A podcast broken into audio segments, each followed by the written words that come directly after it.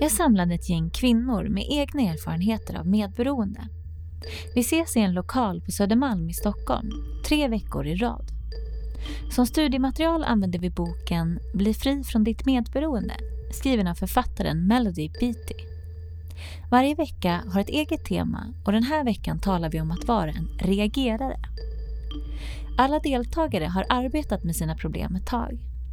En del i självhjälpsgrupper eller tolvstegsprogram, andra genom terapi.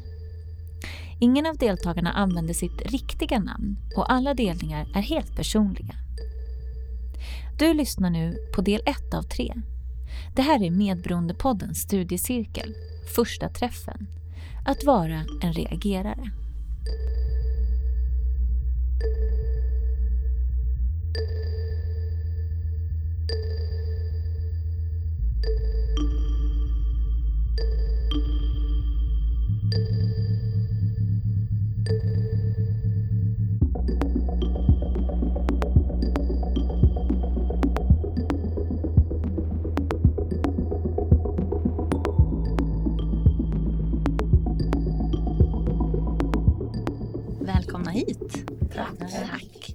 Jag tänker börja och läsa en inledningstext här så ni vet lite hur det kommer gå till idag.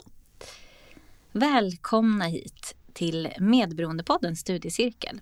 Och vi är en grupp som alla delar medberoendeproblematiken på ett eller annat sätt. Vi kommer att ses tre veckor i rad och dela våra tankar, känslor och vårt hopp med varandra. Varje vecka har ett eget tema och veckans tema är att vara en reagerare. Jag kommer strax att läsa en inledande text som berör det här temat. Därefter kommer vi att ha en delningsrunda där var och en får dela sina tankar utifrån temat eller något annat som känns viktigt. För enkelhetens skull ber jag er alla presentera er vid namn följt av medberoende. Sedan bekräftar vi personen genom att säga hej X tillbaka. Alltså, hej jag heter Ida och jag är medberoende. Hej Ida. Eh, varje delning får ta fem minuter. Därefter är det dags att lämna ordet vidare. Vi delar från hjärtat och behandlar både oss själva och varandra med respekt. Och nu ska jag läsa då dagens text som är ur Melody Beatys bok Bli fri från ditt medberoende. Ja, och då är det här stycket ett som heter Vaja inte som ett rö för vinden. Jag är en reagerare. Den tanken brände i mitt medvetande en dag när jag satt i mitt arbetsrum. Jag hade hört folk diskutera detta, men det var först i det ögonblicket som jag förstod hur mycket jag reagerade. Jag reagerade på andra människors känslor, beteende, problem och tankar. Jag reagerade på vad de kanske kände, tänkte eller gjorde. Jag reagerade på mina egna känslor, mina egna tankar, mina egna problem. Min styrka tycktes vara att reagera på kriser. Jag trodde att nästan allting var en kris. Jag överreagerade. Dold panik, på gränsen till hysteri, kokade ofta inom mig. Ibland underreagerade jag. Om det problem jag ställdes inför var viktigt bemötte jag det ofta med förnekande.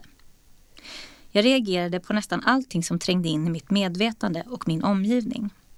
Hela mitt liv hade varit en reaktion på andra människors liv, önskningar, problem, fel, framgångar eller personligheter. Till och med min låga självuppskattning som jag släpade med mig som en stinkande soppåse hade varit en reaktion. Jag var som en marionett med snören som hängde ut så att allt och alla kunde rycka i dem. De flesta medberoende är reagerare.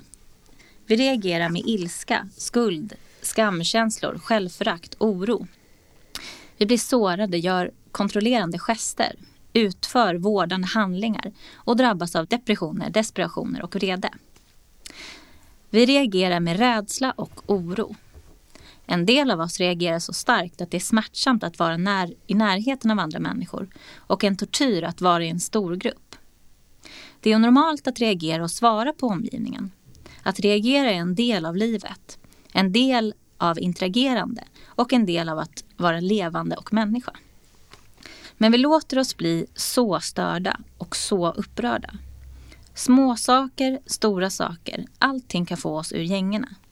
Och vårt sätt att ge gensvar efter det är att vi har efter det att vi har reagerat är ofta inte bra för oss. Vi kan ha börjat reagera pressat och tvångsmässigt i mönster som skadar oss. Bara känslan av att vara pressad och tvingad räcker för att göra oss illa. Vi håller oss kvar i ett kristillstånd.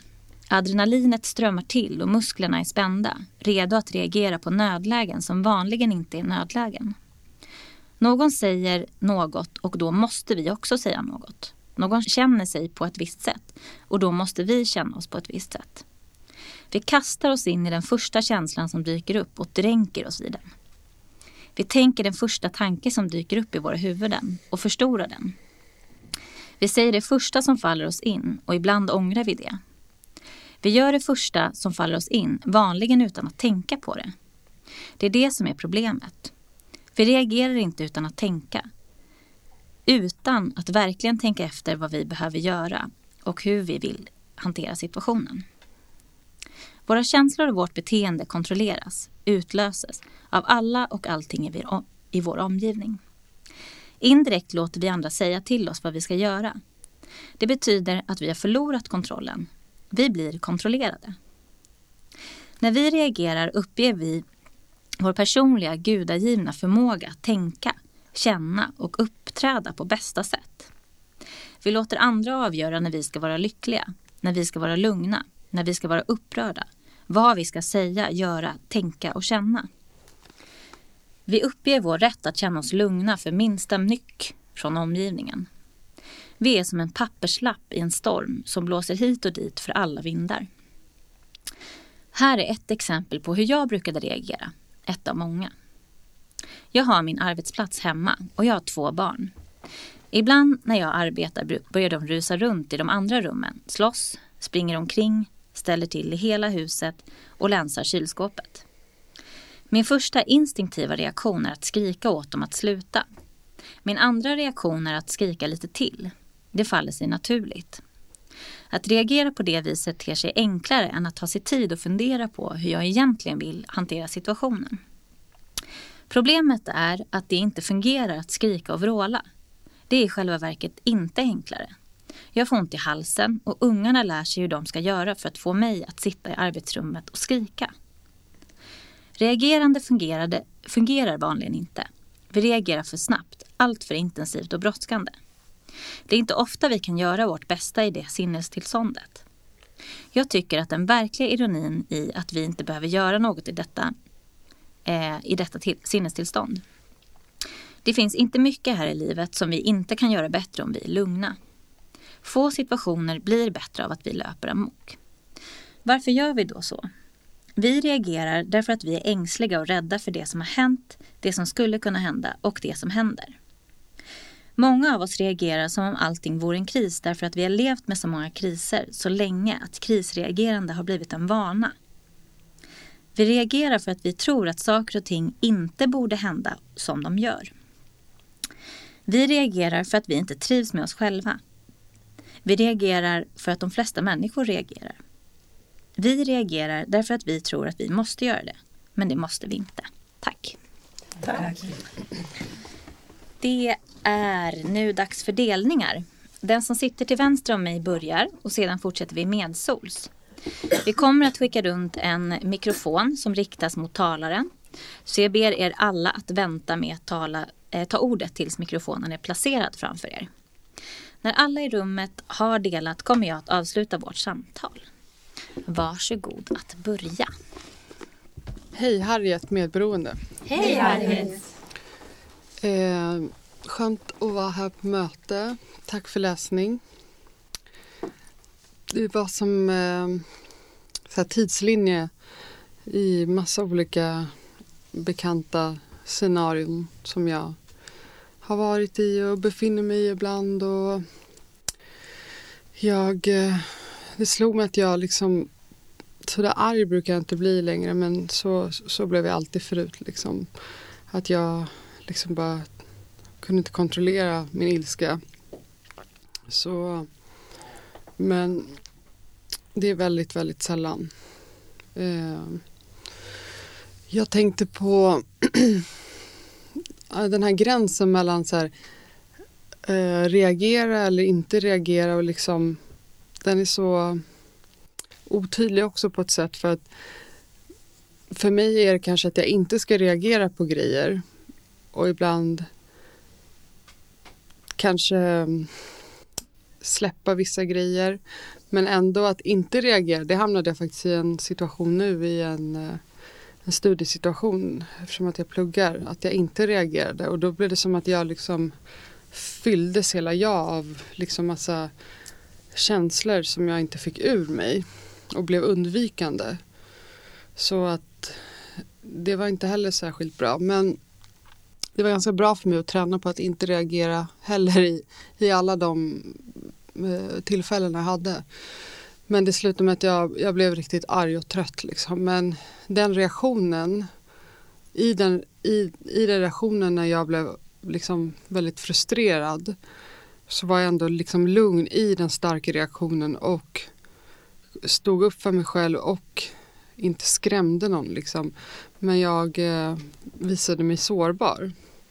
Och bakom den här eh, starka reaktionen låg det massa missförstånd och andra människors bekymmer. Så det handlar liksom inte bara om mig.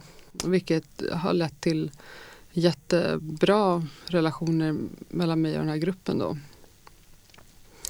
Men jag kan känna ibland att ja, om det har kanske varit liksom om jag är stressad eller liksom ja vad kan det vara?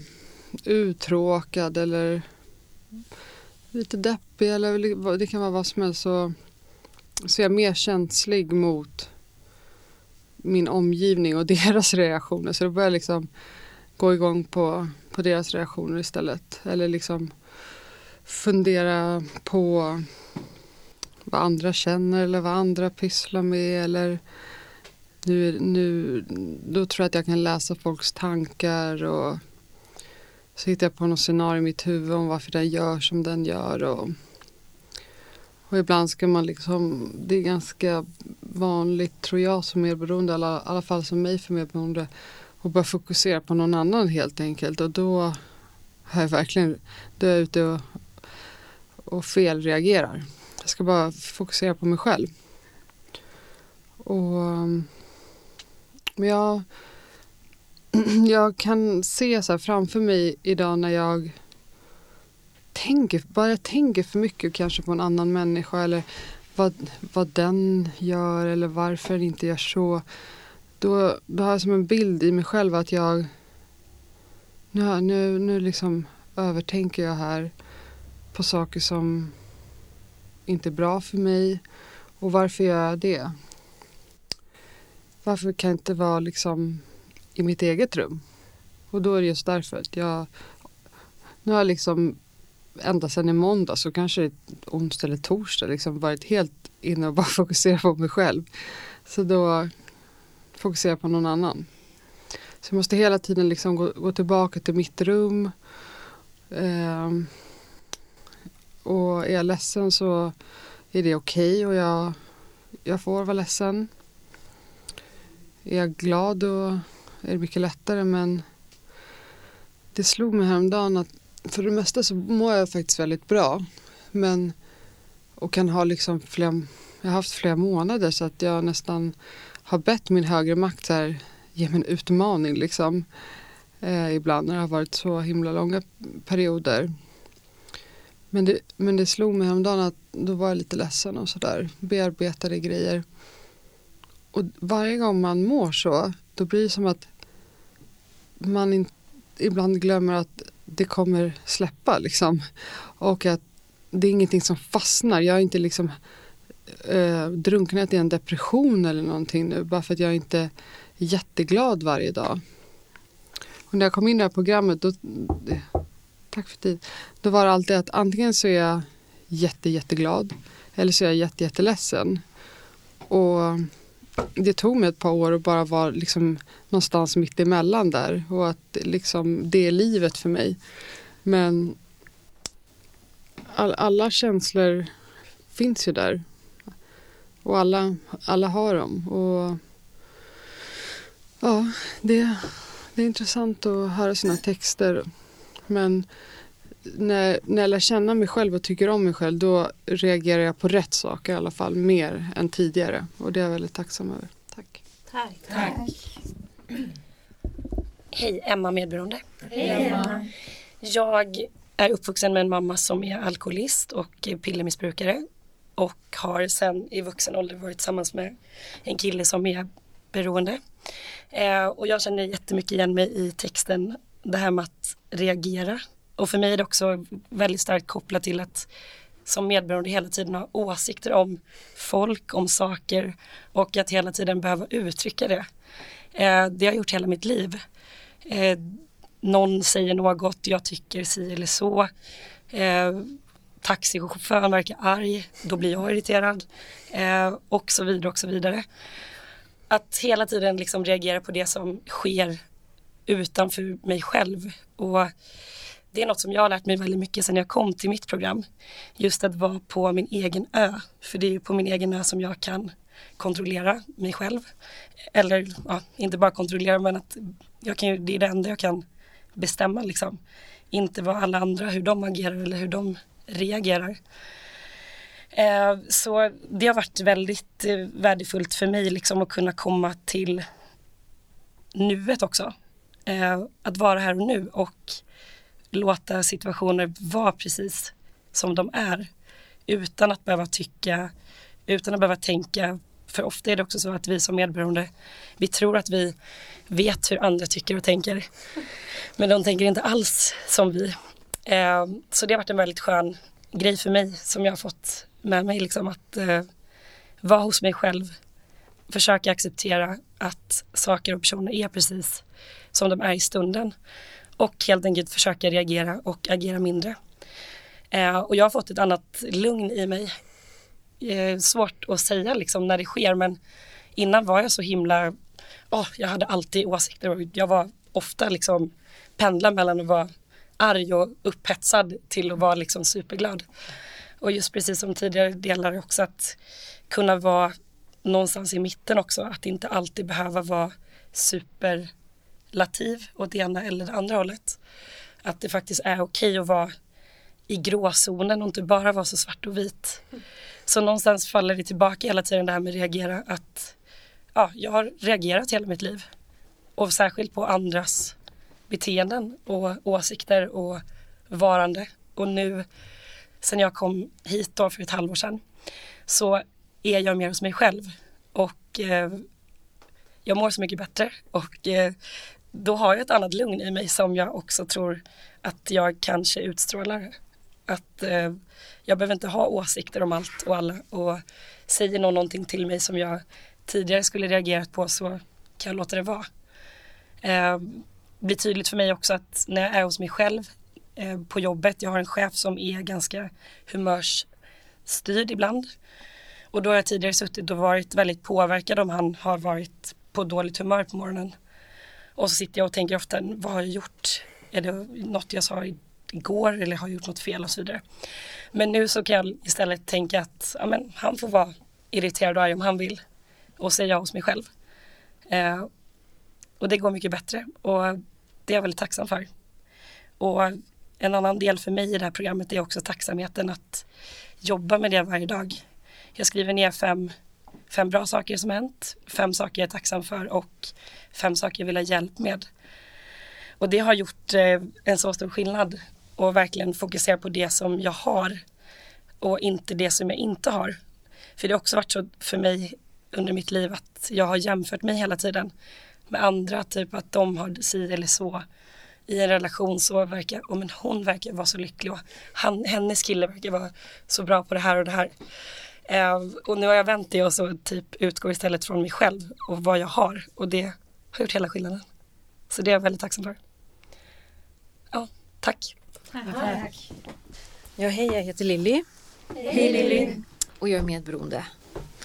Eh, jätteskönt att vara här. Eh, och eh, att lyssna på, på det ni har att berätta. Jag känner att jag blir väldigt nervös och det far kring så många tankar. Eh, jag blir väldigt splittrad. Eh, ja, barndom kommer upp, eh, föräldrar, syskon, relationer jag haft och så vidare. Eh, jag började gå i, i självhjälpsgrupper eh, för många år sedan. Kan jag se nu, 2004 faktiskt, jag minns det året. För då började jag i alla fall sluta reagera på allt. Eh, jag upptäckte, mina barn var små då.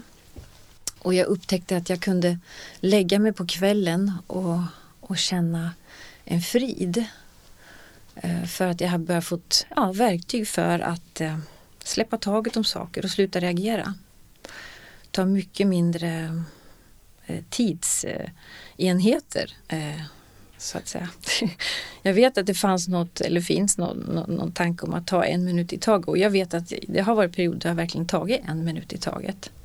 Jag vet inte om jag tittar på klockan men det är nästan och det funkar. Nu eh, så börjar jag leva en dag i taget och, och det känns fantastiskt. Eh, mitt stora problem i vuxenlivet har varit eh, trötthet, utmattning och jag förstår nu att det är jag själv som har drivit mig dit hela tiden genom att reagera. Och jag har inte heller förstått eh, att man inte kan, att man kan låta bli att reagera. Ehm, Um, och det har jag väl lärt mig de här ja, sista två åren. um, att uh, alltså jag, jag, behöver ju inte reagera. Uh, jag, jag, kan i, nästan inte förstå var, varför jag har reagerat på så mycket. Och, och velat förändra så mycket och så många och tro att att allt hänger på mig. Och nu när vi sitter i den här gruppen så är det så skönt att få vara en del. En del av er och att jag, jag behöver inte sticka ut. Eh, utan det är okej. Okay. Eh, mina döttrar som jag har, de är tonårsdöttrar nu och de, eh, de är ju så nyttiga för mig. På det sättet att de, de talar numera om för mig när jag reagerar för starkt. Och jag har gått på ja, möten i många år. Olika sorts möten för att det finns olika inriktningar. Och, och det är som att det jag behöver det, det hittar till mig eller jag hittar dit. Det kan vara någon som ger mig en lapp i handen. Du kan gå dit eller du kan prata med den. Och sen när jag går mot mina rädslor som till exempel att komma hit idag. Ehm, då, då, då, då blir det liksom lite surfing vidare. Eh, jättehärligt. Eh, och eh, jag får ibland höra när jag känner, men ska jag gå på ett möte? Eller ska jag vara hemma, jag är trött och så. Och då har jag ibland fått höra av en av mina döttrar, gå på ett mam möte mamma, du blir bättre. Mm. Och det, det, är liksom, just det. Och eh, varje gång som jag har delat om det här eller fått höra saker så, så kommer jag ju ur min lilla hjärna och kommer alltid hem glad. Det är nästan bättre än att gå på kör. För då kommer jag också hem glad. Då sjunger jag i bilen. Men det här det är något helt annat och som jag inte haft i mitt liv eftersom jag vuxit upp med en mamma som har varit en väldigt reagerande person. Som har gift om sig några gånger. Syskon som har hamnat i eh, missbruk eller några av oss är eh, eh, gravt störda i medberoende skulle jag vilja säga. Jag är en av dem. Och jag kommer nog få titta på det här hela livet. Eh, vilket jag nu är tacksam över. För att jag känner ju att ehm, ja, fastän mitt liv är värt att leva. Det, det, är skönt.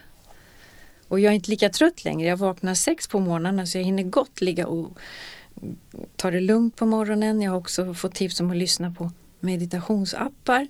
Tänkte det är väl, vad är det för fånigt? Men det är jättebra för annars så ligger jag kanske och tänker på någonting helt onödigt och liksom eh, vad ska jag göra åt det eller ja, hur ska jag reagera på det? Men eh, nej, men då får jag hjälp att eh, slappna av och, och må bra i min kropp och känna hur jäkla skön säng jag har och den har jag faktiskt jobbat ihop själv och köpt och bäddat. Och, nej, men, ja, men jag njuter mycket, mycket mer nu. ja, jag stannar där, tack. Tack. tack. Hej, Karin medberoende. Hej Karin. Eh, jag är jättetacksam för den här gruppen, det här mötet, studiecirkeln. Och jag känner ju igen mig jättemycket i tidigare delningar. Eh, just det här med att reagera. Eh, jag är också uppvuxen då i en familj där man reagerade. Eh, min pappa reagerade ju eh, väldigt, väldigt mycket eh, på allt. Eh, och eh, vi vi var ju tre systrar och eh, alla tre har ju fått lärt sig att man ska reagera. Eh, så det har ju varit väldigt, väldigt mycket eh, väldigt mycket bråk, eh, väldigt mycket skrik eh, och så vidare. Eh, när jag senare då eh, träffade eh, den man som jag kom att leva med i massor, massor med år eh, så tog jag med mig mitt beteende. Eh, vilket jag egentligen inte har tänkt på under alla de år eh, vi har levt ihop. Eh, eh, för jag har ju alltid trott att det är så här man ska göra. För man måste ju rätta alla människor runt omkring som, som har, eh, har fel och som inte ja, lever som jag vill att man ska leva.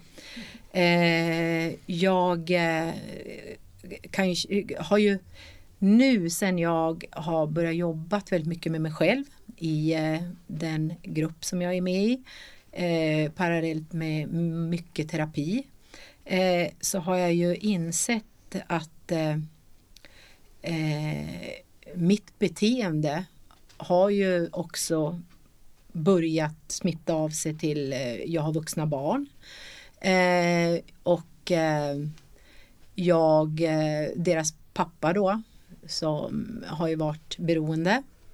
Eh, och jag har ju under hela tiden har jag, inte, har jag liksom inte förstått att ja, men jag har ju en ganska stor del i det här. Eh, genom min ilska. Väldigt, väldigt mycket aggressioner. Så det var antingen så var det, ja men det fanns, det var bara jättehöga toppar och jättelåga dalar. Det fanns liksom inget mellanting.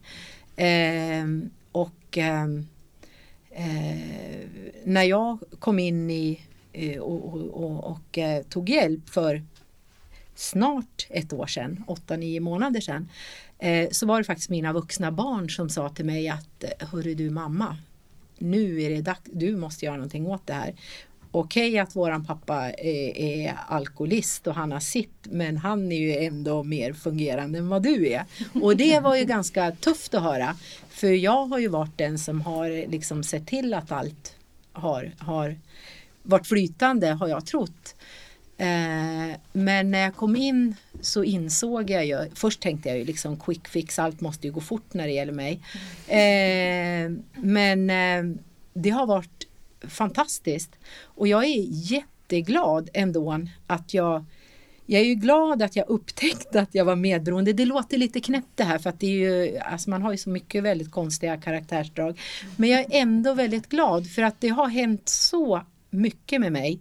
Eh, och det har varit så fantastiskt skönt att jobba med sig själv och, och få upptäcka allt det här eh, tillsammans med likasinnade eller tillsammans. Jag, jag har ju också varit en sån fasaden har varit oerhört viktig. Eh, jag menar, vi ska ju ha varit den här perfekta familjen med perfekta barnen, perfekta jobben, perfe allt skulle vara jätteperfekt. Eh, och det känns så skönt nu när man bara kan släppa det där. Jag menar axlarna kan åka ner, man kan, jag, jag behöver inte spela längre utan jag, jag behöver bara vara. Och då har det ju automatiskt också blivit att det här spektrat mellan de här djupa dal, eller dalarna då och de här topparna har ju jämnats ut. Jag menar jag är ju fortfarande kan ju bli jätteförbannad och jag kan bli jätteledsen.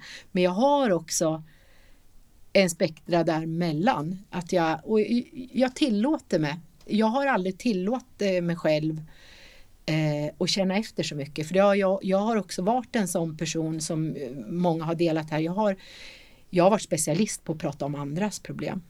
Och bara jag slipper prata om mig själv så eh, har jag gärna grottat mig i kollegor som har haft lite problem eller det är någon skilsmässa på gång eller det är någonting. Det har varit min stora grej. Men inte mig själv för där har det ju varit perfekt. Men det här är ju fantastiskt att, att börja upptäcka saker och få bli medveten. Tack! Tack! Hej, jag heter eh, Minna, jag är medberoende. Hej Minna! Hej! Eh, ja, att reagera. Jag är ju medberoende och eh, är ju uppvuxen med en, jag skulle säga idag skulle jag säga framförallt med en medberoende mamma. Också alkoholist under många år men framförallt medberoende. Um, och för mig har det varit så att det här med att reagera har varit ett största, det största grejen för mig har varit en dålig självkänsla. Och istället för att erkänna att jag inte eller på något sätt förstå att jag tycker att jag inte duger och istället för, att, för det så har jag haft snabba reaktioner. Så det har varit mitt största försvar. Jag reagerar snabbt, snabbare än alla på allt. Jag har svar på allt och misstolkat ganska mycket som skinn på näsan och supersmart och massa andra liksom tolkningar i samhället över det där och det har liksom gjort det värre nästan för mig för att jag har liksom övat mig på att bli ännu snabbare och ännu eh, smartare situationstecken. Um, och de här reaktionerna för mig har varit så snabba att de händer ju innan jag ens, jag tänker inte, jag känner inte. Ja, det bara händer. Och det är explosivt och det är aggressivt eller det är manipulativt eller det är Ja, så det kan ju vara tystnad som en reaktion kan ju också vara fruktansvärt uträknande. Liksom, det finns ett syfte med det. Um, så att för mig har det här, om man tänker på reaktionerna och de här snabba sakerna som har skett. Det största skillnaden för mig i det här programmet har varit att jag inte reagerar. Jag tog ett aktivt beslut ganska tidigt att jag ska sluta reagera. Och eh, typ som att varje reaktion du har som, min, som en person sa till mig. Tänk att alla dina reaktioner du har ska du bara sluta med att de gör tvärtom. Och min, min tvärtom var att göra ingenting. Um, så min tvärtom har varit under lång tid och fått ganska mycket respons från mina kompisar. Så att, vad är det som har hänt med dig? Du är deprimerad eller liksom du garvar inte och du svarar inte. Har du blivit seg i pallet eller liksom? Vad är det som har hänt? För jag sitter liksom och känner. För, för i min familj så var det så att det fanns inte plats för känslor för att det fanns en mamma som var så fruktansvärt skör och så hade så dålig självkänsla. Så att Um, känslor pratade vi inte om, men reaktioner fanns det mycket. Det var som att vi reagerade istället för att känna och för att skydda mamma eh, och min pappa också. Super, super dålig självkänsla vilket gör att vi pratar om allting annat än det som man kände. Så reaktionerna har uppfyllt så mycket, så mycket viktiga funktioner i vår familj. Men nu när jag liksom inte reagerar direkt och ibland reagerar jag inte alls. Jag svarar ibland inte på meddelanden som jag förut hade dragit igång eller eller på kommentarer eller situationer. Så jag låter det bara hända. Jag kan till och med titta på folk utan att svara för att jag känner så här. Jag vet inte vad jag känner om det här faktiskt. Mm. Eh, och i och med att jag aldrig har tränat på att känna så tar, tar det jättelång tid för mig att veta vad jag egentligen känner. Många andra människor som kanske inte som har övat sig på att känna de kan ju komma med en reaktion på någonting som är logisk och som hör hemma där ganska snabbt. Mina reaktioner har varit supersnabba men de är helt fel. Och de bygger alltid på grundantagandet att i och med att jag inte duger. Så funkar det i mitt huvud har det varit. Idag så känner jag att jag är liksom, genom att inte reagera så har jag liksom motarbetat den här sjunkande självkänslan som mitt medberoende har gett mig. För att ju mer jag reagerar fel desto värre känner jag mig. Och jag har ju ljugit och jag har ju manipulerat. Så jag har liksom undergrävt mig själv konstant också i mitt medberoende. Så att genom att inte agera så har jag nu börjat fylla på min självkänsla. Och jag, nu har jag till och med börjat också reagera så här, men om du tyckte att du var en bra person och om du dög precis som du var, hur tänker du att du skulle reagera då? Uh, och det blir ofta helt sjuka reaktioner i min tjänst, i min mage, men jag har liksom börjat göra dem ändå. Och ju mer jag gör sådana reaktioner, desto mer tycker jag om mig själv. Så nu har jag liksom vänt den här nedåtgående spiralen till att liksom fyllas på. Och när jag började programmet var jag helt Alltså jag ville bara gå och köpa självkänsla någonstans. För jag förstod ju att det var det som var mitt problem. För jag reagerar ju alltid utifrån att jag inte duger. Men hur skulle jag hitta känslan av att jag faktiskt duger? Alltså den, jag ville liksom bara svälja någon stor, ja som många alkoholister gör. Svälja många liter med alkohol. Eh, men jag ville ha någon sån här självkänsla-olja. Men jag hittade liksom ingenting tills jag slutade agera. Tills jag slutade reagera på saker som händer och började liksom stanna upp. Och låta det komma in känslor i saker och ting. Ehm, och i väldigt många perioder fortfarande idag så känner jag ju att det är rätt jobbigt att känna. Det var rätt skönt att vara avstängd och bara reagera. Ehm, för att eh, känsla, känna saker gör ju ont. Jag är mycket mer ledsen nu för tiden än vad jag någonsin har varit. Ehm, och dubbelt så ledsen kanske som, som det kanske jag borde vara för att det är så mycket jag inte har gråtit för. Så att när det kommer en liten oförrätt nu för tiden då kan jag ju liksom ligga i sängen och grina en halv förmiddag. Och det är väl för att jag har som äntligen hittat att det är okej att vara ledsen. Tack för tid. Men så att reagera, ja det finns ju situationer där man måste reagera och man kan ju koppla det också till det här med att sätta gränser för det har jag varit jättedålig på. Um, men uh, idag så agerar jag på saker med känsla och det har jag, är jag väldigt tacksam för att jag har lärt mig. Tack. Tack. Hej Nina, medberoende. Hej Nina. Eh, ja, tack så mycket för att ni är här och eh, att ni säger så kloka saker så man, jag blir helt stum och bara lyssnar och försvinner liksom in i Ja, det, jag känner igen mig så otroligt mycket i allting som alla har sagt. Eh, jag, jag har faktiskt läst den här boken, det var då jag förstod att jag var medberoende. Och det här kapitlet var ju liksom bara så här, oj, det där är jag, jag är en reagerare. Eh, och det var efter det som jag började söka mig till olika grupper för att få hjälp med det. Och eh, jag har en sån otroligt dålig impulskontroll. Eh, så att jag har jättesvårt att inte reagera. Ofta är mina reaktioner väldigt kopplade till verkliga känslor. Men det jag gör liksom är inte, liksom blir inte, eh, ja det blir inte det det uttrycket som egentligen finns i känslan. Utan det, det, tidigare i mitt liv har det varit väldigt mycket ilska. Jag är också uppvuxen med en, en hustyrann som har liksom styrt och ställt hemma och varit väldigt arg och, eh, liksom, och glad och alltså väldigt mycket så här, eh, reaktioner hela tiden. Ehm, och sen min andra förälder var väl mer liksom att inte reagera alls på någonting nästan. Så att, och då fick jag vara där och liksom pusha och väcka och försöka få kontakt genom att väcka reaktioner på olika sätt. Så att, och jag kan också bli så otroligt, eh, jag går liksom in i andra personers eh, kropp på något sätt. Jag tror att jag är den personen. Jag tror att jag vet exakt hur den känner och tänker och vad den Liksom, och, och då har jag ju helt förlorat kontrollen. Jag vet inte vem jag själv är. Jag tror att jag vet vem den andra är. Och jag tror att jag är den andra personen. och just nu så det, har jag jätte, idag har jag haft jättemycket problem med det. För jag har precis brutit med eh, min eh, pojkvän som är missbrukare.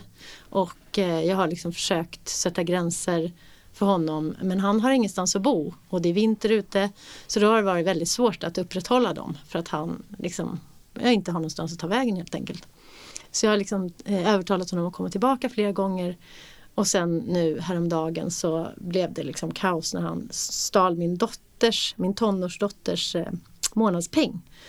Och då var det liksom bara så här, det går inte, jag måste skydda henne, inte honom och nu får det vara bra. Och, eh, Just för att jag har den här dåliga impulskontrollen och att jag liksom lever mig in så starkt i honom så måste jag liksom, jag måste faktiskt avstå från att ha kontakt med honom under en ganska lång tid känner jag.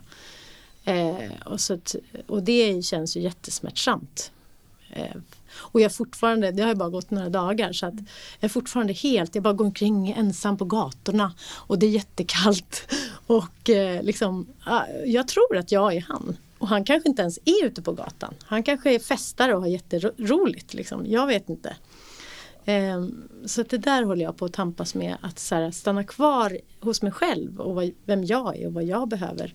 Ehm, för att nu, så, nu, nu kanske jag kan klara av att göra det när inte jag hela tiden ska gå på impulser på, på honom och hans behov. Och, ja. Jag har ju Eh, det här programmet som jag är med i liksom och tacka allt. Jag skulle aldrig, aldrig klarat av att, att liksom ta avstånd från honom i den här situationen om jag inte hade haft den här gruppen och de här grupperna som stöd. För att de här grupperna är eh, det här med käns eh, självkänsla och att gå och köpa sig självkänsla.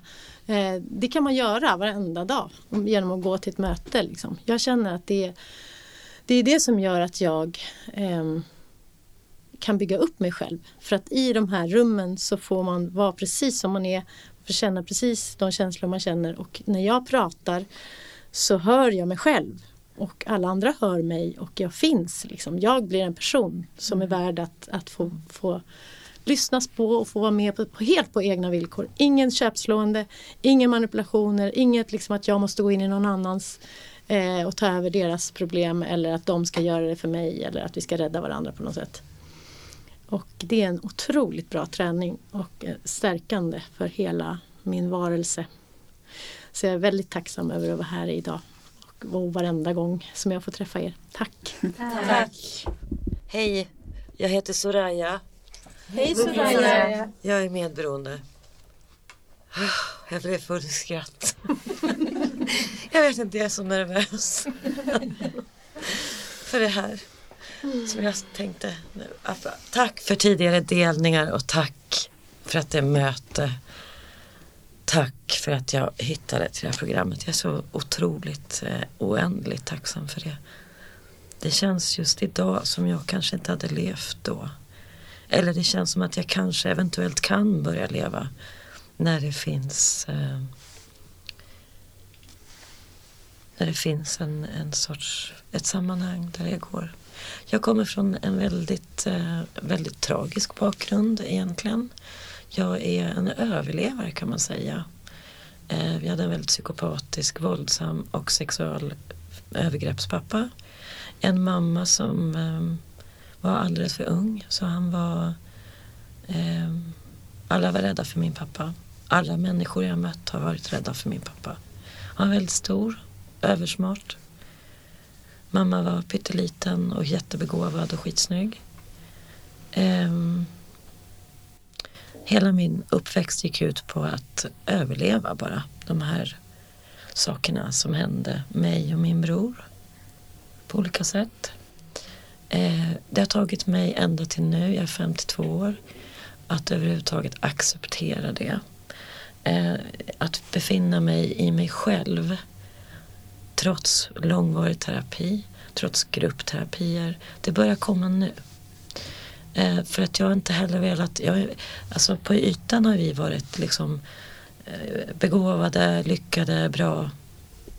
Det här med att ständigt, ständigt vara snabbare, ständigt eh, reagera före, ha koll på alla. Det har varit, faktiskt varit en överlevnadsfråga i mitt fall. Jag hade inte överlevt om inte jag var beredd. Var är han?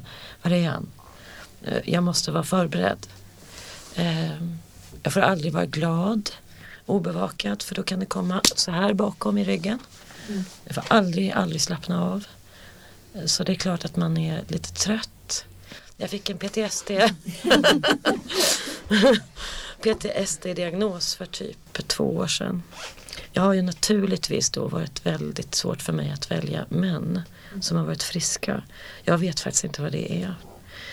Um, mitt inre är kanske en liten jävligt sur och arg flicka eh, som bara vill, aldrig vill gå ut och, in, och vill äta typ skumtomtar. Och säga nej. Där är jag egentligen. Och jag är fruktansvärt ledsen. Och jag är... Men just den här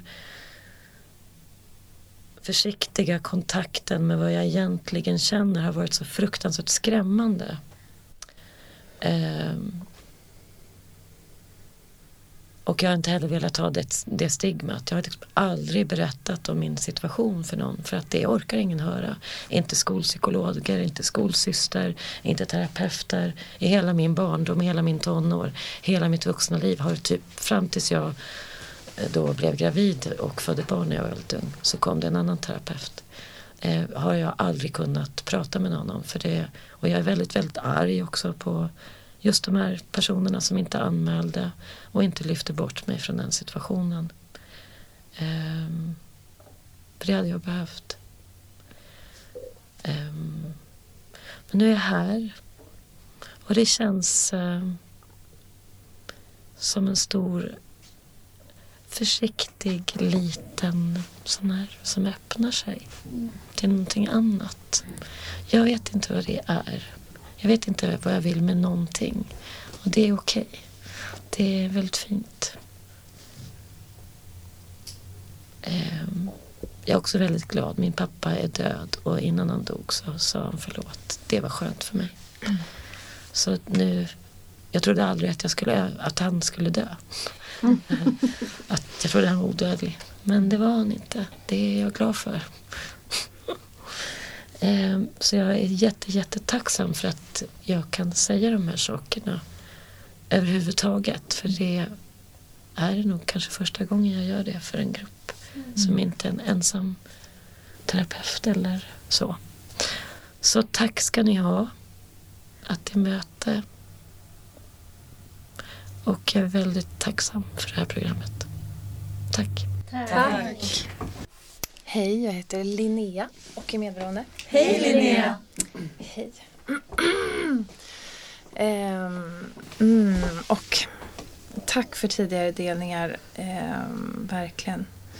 Ehm, och som många tidigare sagt också väldigt tacksam för att jag också eh, kom på att jag var medberoende och att det som liksom hände med mig hände så att jag kunde ta tag i allting. Ehm, ehm, reagerare var det. Ehm, det är ju jag och ehm, jobbar med det ständigt fortfarande. Ehm, trots två år i självhjälpsgrupp. Ehm,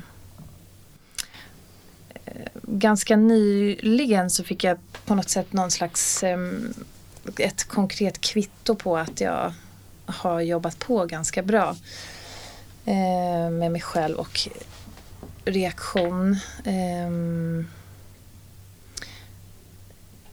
men ja, samtidigt också fått kvitto på att jag behöver jobba. Eh, men det, det kom sig så att min eh, beroende pojkvän som är nykter eh, sedan något år tillbaks eh, Eh, i alkohol och droger eh, har varit sjuk i, eh, i hans penga, eh, vad ska man säga, missbruk. Att han lever på kredit och ehm, Alltså vi är båda två big spenders, alltså helt sjukt. Vi har världens fetaste bil och ingen ekonomi liksom. ehm, till exempel. Eh, för den är så bra. Och så. Ja, den är det faktiskt om man har familj och så. Jag bor i innerstan. Så det är jättebra med en stor bil. Ja, i alla fall. Skitsamma. Ehm, men det kom sig då att jag hittade en räkning, eller den, den kom ner i brev, brevlådan och eh, jag öppnade den och där var det ett litet lån. Ehm, och då kände jag bara, då reagerade jag direkt, jag fotade det och så langade jag iväg ett sms där det stod så vi lever på kredit på min eh, tillitsbekostnad. För att jag har känt på mig att det är liksom det här går inte ihop riktigt. Ehm, och jag har frågat så här hur liksom klarar vi oss den här månaden? Alltså jag har typ inga pengar. Har du pengar kvar? Ja, ja men det är lugnt, det är lugnt. Eh, och så har jag ändå känt så här, mm, det är fan inte, ja. Men liksom, jag, jag har inte orkat hålla på att eh, jag har inte velat vara medberoende och försöka hoppa in och kontrollera och liksom stämmer det han säger eller eh, även fast min magkänsla, för min magkänsla har haft fel också sjukt många gånger och eh, har liksom rättfärdigat ett beteende som inte är okej. Så att den här gången så har jag bara så här, okej, wow, det, jag får lita på att det är som han säger. och gamla Linnea hade liksom, när det här uppdagats, eh, valt att slå jävligt mycket på mig själv. Eh, för att så här, jag skulle ha sagt det, jag visste det och nu jävlar liksom. Eh, men jag skulle ljuga om jag, alltså. Eh, jag kände alla de här känslorna. Jag ville hämnas, jag ville sätta dit honom, jag vill straffa honom. Eh, jag vill vara ett offer, jag känner mig som ett offer, jag känner mig lurad, jag känner mig som en idiot.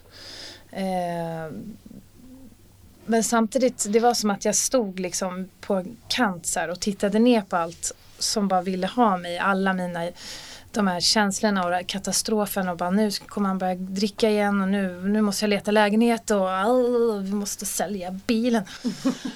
liksom, hur ska det gå utan Ranch Rover eller vad fan det är. Ehm, men ehm, men där så bara kände jag att jag hade ett val som jag inte haft tidigare. Och jag valde att liksom känna så här att nej, nu backar vi bandet. Vad behöver jag känna? Alltså vad är liksom mina känslor? Vad är det jag behöver reagera på? Och liksom, alltså jag bara stannade av helt och så här, eh, liksom försökte våga känna alla de här känslorna och sen så bara okej, okay, men det är egentligen, alltså jag behöver inte göra någonting just nu utan jag behöver bara chilla och han behöver komma hem och vi behöver prata. Och han är ju med i sitt program och eh, har väldigt mycket insikter och tyckte att det här var jätteskönt att det kom fram för att han har liksom ljugit så länge och det liksom, ja.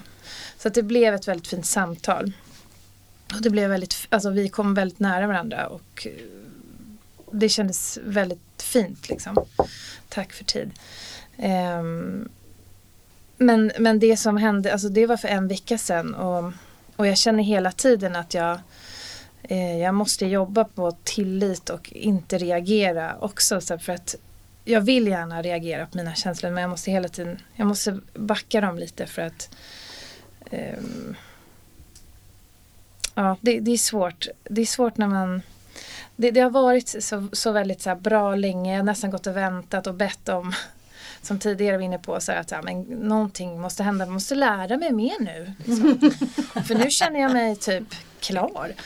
Eh, kan liksom hoppa möten och hoppa allt möjligt. Och, och nu fick jag det här liksom. Och, och, det som är fint, det, det jag känner, min tillit säger att jag får bara det jag klarar av. Jag får inte mer. Och, men det här är liksom och jag väljer också att se i mörkret så ser jag ljuset istället. Och så här, vad behöver jag lära mig? Vad behöver vi två jobba på? Mm, ja. Det är fint men det är, det är också det är liksom läskigt för att jag känner eh, det är lätt att jag känner så här att shit jag är på väg nu och blir medberoende igen. Ska den här cirkusen börja? Jag, jag börjar liksom så jag måste backa tillbaka, samla hem mig hela tiden och så här okej nu, nu är vi här här är jag idag, nu, här. Jag behöver inte vara där framme. Ingen vet vad som händer där framme. För en vecka sedan hade jag ingen aning om det här.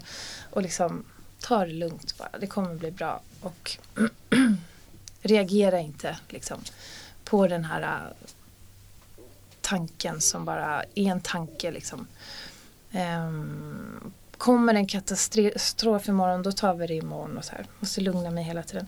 Och det som är så fint är att i de här rummen som i, den, i de här grupperna så eh, Alltså jag kan ringa vem som helst. Det, det, det hjälper liksom. Det är så otroligt fint. Jag är så himla tacksam också att, att alla finns och att eh, vi får vara som vi är. Tack. Tack. Hej. Ehm, Diana Medberoende. Hej Diana. Mm, tack för Medberoendepodden. Alltså först jättefint. Ehm, tack för alla delningar också. Jag tror att mm, Medberoendepodden var en av de eh, orsakerna till att jag sitter här idag. För att jag har förstått att jag har varit medberoende. Men jag har liksom inte insett att man kan söka sig till andra medberoende. Utan jag har försökt att bearbeta det själv. Och det har ju inte gått alls. Eh, och det har jag gjort nu. Jag är 42 år eh, och jag har två barn och jag har eh, en mängd förhållanden bakom mig. Och det har liksom aldrig funkat. Och sen så har jag försökt att tala ut med mina vänner och väldigt mycket försökt lösa mina vänners problem och suttit och varit klok. Och sen så har alla, eller har vi diskuterat mina problem, mina dysfunktionella eh, relationer. Och så har alla undrat, men hur kommer det sig? Du, du låter ju så smart. Alltså. Eller det, det, låter som att du har koll på vad som händer. Alltså, du, du vet ju bättre än någon annan om vad som ska hända imorgon ungefär. Och sen så gör den så här igen och igen och igen. Jag satt senast som exempel ska jag dra att jag Eh, Eh, jag har en relation nu eh, och den har blivit jättemycket bättre när jag börjat nu söka mig till likasinnade och börja förstå mer om hur man kan faktiskt inte bara intellektuellt jobba med sitt medberoende, för det funkar ju inte riktigt, utan att så här, ehm, förstå känslomässigt eh, att man faktiskt kan jobba på sina reaktioner. Eh, och det har jag förstått nu med programmet och nu börjar relationen bli lite bättre då som jag har. Därför känner jag nu att jag kan säga eh, det här som exempel. Eh, jag och min dotter var skulle hälsa på. Vi åkte i två timmar för att hälsa på min pojkvän. Så kom vi fram till hans ställe på landet och så sa han att vi skulle äta, äta middag med hans grannar och så var det länge sedan vi hade sagt. Så jag sa, men vänta lite nu, kan, jag vet inte om jag är redo för att äta middag med mina grannar. Jag tänkte bara att vi skulle ha en trevlig kväll först. Vi har inte setts på ganska länge. Och då blev han jättearg. Alltså, äh, för han är i sin tur äh, lite dysfunktionell som jag. Mm. Så då blev han jättearg och var så här, ja men gud, då, men jag kan, måste få bestämma över mitt eget liv. Liksom. Och här kommer ni gäster, jag kan inte anpassa mig till allting som händer. Eh, och eh, så slängde han ut oss helt enkelt ur huset. Eh, och så gjorde han slut. Så här, vi hade just varit där i 30 minuter tror jag. Och sen så tänkte jag, ja men vad skönt, nu är det verkligen över här faktiskt. Jag hade ju aldrig kunnat göra slut med honom. Jag har jagat honom i fem år i princip. Så att han har varit den som liksom har stött bort mig, tagit tillbaka mig och sådär. Så nu så har vi ändå liksom försökt i ett år och så, så nu slänger han ut mig när jag inte vill äta middag med hans grannar. Mm. Ja, så då tänkte jag, nej men nu får det väl vara så här. Nu har han tagit ett beslut och nu är det ganska skönt. Nu har jag åtminstone det här programmet jag kan luta mig på. Jag har faktiskt hört flera stycken andra som har kommit längre än jag i det här. Och om jag utvecklas i det här så kommer faktiskt nästa relation ha lite bättre förutsättningar det kanske går bra det här. Så jag var ganska cool. Och sen så, så hände det som händer i alla mina relationer när jag har blivit utslängd eller eh, när någon har gjort slut med mig. Det, då brukar den andra personen då, eller partnern eh, ringa till mig och gråta och gråta och gråta eller ångra sig och ångra sig. Och då så tänkte jag, ja men jag vet inte riktigt. Jag, jag reagerar inte nu. Jag försöker att inte reagera. Jag försöker att bara ta det lugnt men inte fly heller. Inte gå ut och festa eller inte gå ut och inte tala ut på ett destruktivt sätt med en kompis. Eh, och så vidare. Sen jag åker hem till min, till min vänfamilj och så där så sitter vi och pratar lite så, och så pratade vi jätte, jättesmart med varandra. Samt så sa de, ja men gud, men eh, jaha, har han gjort slut? Jaha, ja, men då är du, du är alltid välkommen hit till vårt kök. Du kan komma hit typ hela tiden. Vi, vi står här redo. Eh, vi har studsmattor till barnen. men, sådär. Och sen så samtidigt som jag satt i köket så började jag liksom känna hur alla de här gråt-sms som ramlade in under tiden, hur de började så här liksom ta tag i mig. Eh, men, och det som var skillnaden då alltså mot tidigare, alltså innan jag börjat söka mig till de här självhjälpsgrupperna och, och få lite bättre koll, det var ju att jag åtminstone märkte vad jag gjorde när jag svarade. Mm. För då svarade jag ganska snabbt, ja men vi kan ju prata ikväll. Liksom. Istället för att kun, kunna liksom säga, ja jag vill vara, jag vill vara med dig, okej. Okay. Eh, som en, en glad hund, utan bara, okej okay, nu händer det här, nu börjar det här liksom kroka i. Uh, men jag vågade heller inte riktigt erkänna det för mina vänner som jag stod och pratade med heller. Eh, så att sen när jag skulle börja dra mig därifrån då hade jag redan sagt ja till att han skulle komma hem på kvällen. Eh, så då var vi tillsammans nästa dag redan. Mm. Så att det är det också som är problematiken med medberoendet. Det är att, jag, att verkligen vara medveten om att det är någonting som gör att man fokuserar på andra eh, på ett sjukligt sätt som man måste bearbeta som ett beroende jag, jag kan inte tänka att jag är förståndig för att i, när jag väl regrederar och blir väldigt känslomässig då tappar jag det. Och då kan inte jag sätta gränser för andra eller för mig själv. Och därför är det väldigt skönt just med den här typen av grupper där man påminner varandra om det. Och när jag hör andra berätta om det så blir jag väldigt stärkt i att inte eh, tappa den där eh, insikten om att jag är lite vansinnig ibland. Helt mm. Tack. Tack. Tack så mycket. Då ska jag läsa en liten avrundande text här. Eh, då är det dags att runda av mötet. Jag vill tacka er som varit här idag som påminner oss om att vi inte är ensamma och att det finns hopp för oss alla. Jag tänker att vi avslutar med att ta varandras händer och säga den klassiska och vackra sinnesrobönen tillsammans. Jag inleder med Gud och sen så säger vi resten ihop. Gud, Gud ge mig sinnesro att acceptera det jag inte kan förändra Mod att förändra det jag kan och förstånd att inse skillnaden. Tack!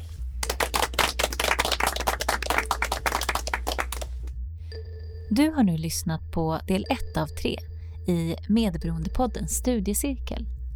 Nästa vecka kommer del 2. Men vill du veta mer om medberoende? Kanske känner du igen dig i någon av delningarna eller bara vill veta var du kan vända dig för att få hjälp? Då kan du gå in på vår hemsida. www.medberoendepodden.se är adressen. Och i sociala medier heter vi Medberoendepodden. Följ oss där. Thank you.